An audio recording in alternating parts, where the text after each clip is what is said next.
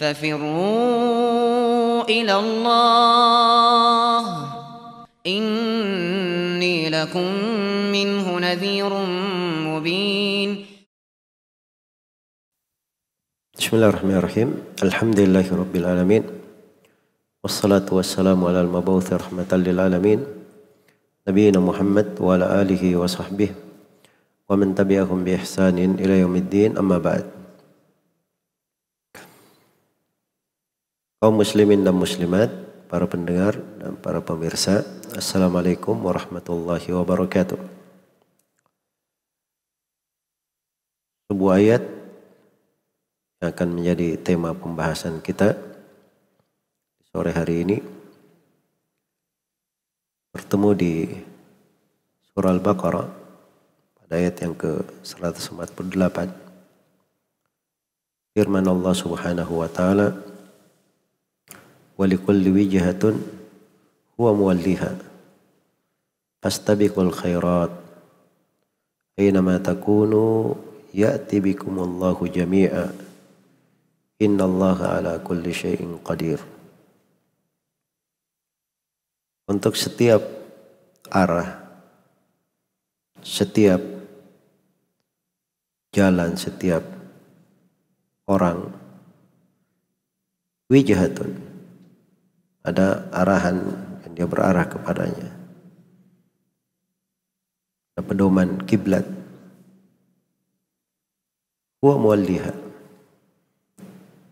Dialah Allah yang mengarahkan mereka ke sana. Fastabiqul khairat. Maka berlomba-lombalah kalian semua di dalam kebaikan. Aina ma takunu ya'ti bikumullahu jami'a di mana pun kalian berada, Allah akan mendatangkan kalian semua. Inna Allah ala kulli syai'in qadir. Sungguhnya Allah maha mampu atas segala sesuatu. Ayat ini salah satu kaidah Al-Quran. Pijakan di dalam kehidupan. Bahwa untuk setiap orang, siapa pun dia, penganut agama, ada ada wijah. Ini kalau dilihat di ayat-ayat sebelumnya, itu terkait dengan pembahasan kiblat, di mana umat Islam dimuliakan oleh Allah Subhanahu wa taala dengan kiblat menghadap ke Ka'bah. Ini tentunya tidak diterima oleh orang-orang Yahudi. Mereka bersekuku di atas kiblatnya sendiri. Maka diterangkan bahwa untuk setiap orang itu ada wijah, ada arahan, sandaran, kiblat. Kalau dilihat di konteks ayat sebelumnya. Tapi kata wijah itu sendiri dia cakupannya luas. Nah memang dalam hidup ini manusia itu beraneka ragam jalannya. Warna kehidupannya berupa-rupa. Dan keyakinan serta cara berfikirnya juga tidak sama. Itu wijah. Huwa mualliha. Dialah Allah subhanahu wa ta'ala yang mengarahkan sana. Semuanya itu dengan ketentuan Allah subhanahu wa ta'ala. Kalau dia dari penganut agama yang diutus dengannya para nabi dan para rasul, maka pada jalan yang mereka tempuh itu adalah jalan yang Allah tetapkan, Allah syariatkan. Ada hal-hal yang berbeda di dalam syariat. Walikullin ja'alna minkum syir'atan wa minhaja. Setiap dari kalian kami jadikan untuknya sebuah syariat dan metodologi di dalam memahami. Nah, itu sudah merupakan ketentuan Allah di tengah umat-umat. Tapi yang membedakan Astabiqul khairat. Berlomba-lombalah kalian semua di dalam kebaikan. Itu yang membedakan. Ini eh, terkait dengan umat Islam. Karena dengan diutusnya Nabi Muhammad sallallahu alaihi wasallam kita telah menghapus seluruh tuntunan dan syariat sebelumnya. Nah itu dalam hadis riwayat Bukhari dan Muslim Rasulullah sallallahu alaihi wasallam bersabda la yasma'u bi yahudiyyun wala nasraniyyun thumma la yu'minu bima ji'tu bih illa kana min ahli nar Tidaklah saya tidak ada seorang Yahudi, tidak ada seorang Nasrani mendengar saya diutus. Kemudian dia tidak beriman terhadapku, kecuali dia pasti penghuni neraka.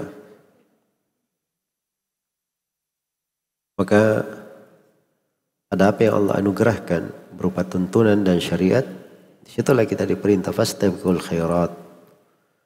Berlomba-lombalah kalian kepada kebaikan. Aina ma takunu ya'ti bikumullahu jami'a. Karena di mana pun kalian berada, Allah akan mendatangkan kalian semua. Juga sudut persamaan, kita di atas kondisi apa pun, tetap saja kita ini semua dalam sebuah transaksi dan tetap kita memikul pertanggungjawaban di depan Allah Subhanahu wa taala. Jadi apa pun yang kalian lakukan, di kondisi apa pun kalian, Allah akan mendatangkan kalian semuanya. Ada hisab, ada pembalasan. Inna Allah ala kulli syai'in qadir. Dan sesungguhnya Allah maha mampu atas segala sesuatu. Maka ini ayat yang agung. Dasar di dalam berpijak Jangan bingung melihatnya banyaknya manusia, keanekaragaman, jalan, pemikiran, pemahaman. Jangan jangan lihat berbagai kondisi dan keadaan mereka. Tapi lihatlah pada apa yang Allah tuntunkan pada kita hukum dan syariat Allah kemudian kita berlomba-lomba di dalamnya. Itu yang paling pokoknya berlomba-lomba di dalamnya. Nah hidup ini adalah suatu pertanggungjawaban. Apa yang kita lakukan di dalam kehidupan ini itu adalah hasil karya kita sendiri. Dan hasilnya, pembalasannya itu pula yang akan kita tuai, akan kita dapati pada hari kiamat. Ayat ini perlu direnungi dalam makna keteguhan di dalam beragama. Yang kedua di dalam kesegeraan pada kebaikan dan itu adalah kunci kemenangan. Kemudian yang ketiga persiapan untuk mempertanggungjawabkan amalan persiapan untuk hari hisab. Dan ini makna adalah pedoman keseharian hidup untuk seorang mukmin di bulan Ramadan maupun di luar Ramadan. Siapa yang beribadah kepada Allah karena Ramadan sebentar lagi Ramadan akan pergi. Tapi siapa yang beribadah kepada Allah karena perintah Allah dan tuntunan Rasulullah sallallahu alaihi wasallam maka Allah itu maha hidup lalu ada. Dan agama ini adalah agama yang akan terjaga hingga hari kiamat. Maka semoga Allah Subhanahu wa taala menganugerahkan kepada kita semua sungguhan di dalam beramal. Khususnya kita sudah memasuki tanggal 27 Ramadan dan tidak menelantarkan dari kesempatan-kesempatan. Jangankan di hari ini, di hari terakhir di bulan Ramadan pun itu masih kesempatan dan peluang. Masih ada waktu untuk bersujud. Masih ada waktu untuk berdoa. Masih ada waktu untuk meneteskan air mata dalam tobat dan istighfar. Masih ada waktu untuk berbaik sangka, eh, berbaik hati kepada sesama. Masih banyak pintu-pintu ketaatan yang bisa menyebabkan seorang itu diridhai dan diampuni oleh Allah Subhanahu wa taala. Semoga Allah memberi taufik kepada semuanya wallahu taala alam.